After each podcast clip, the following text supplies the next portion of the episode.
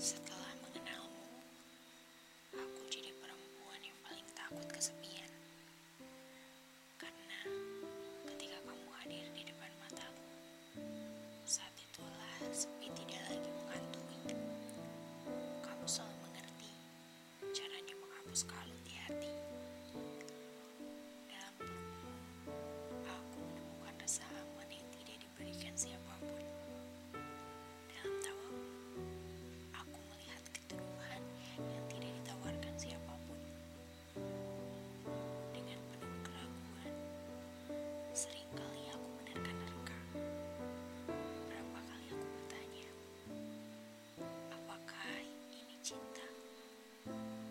Sementara dengan rasa ragu juga, kamu menjawab seadanya.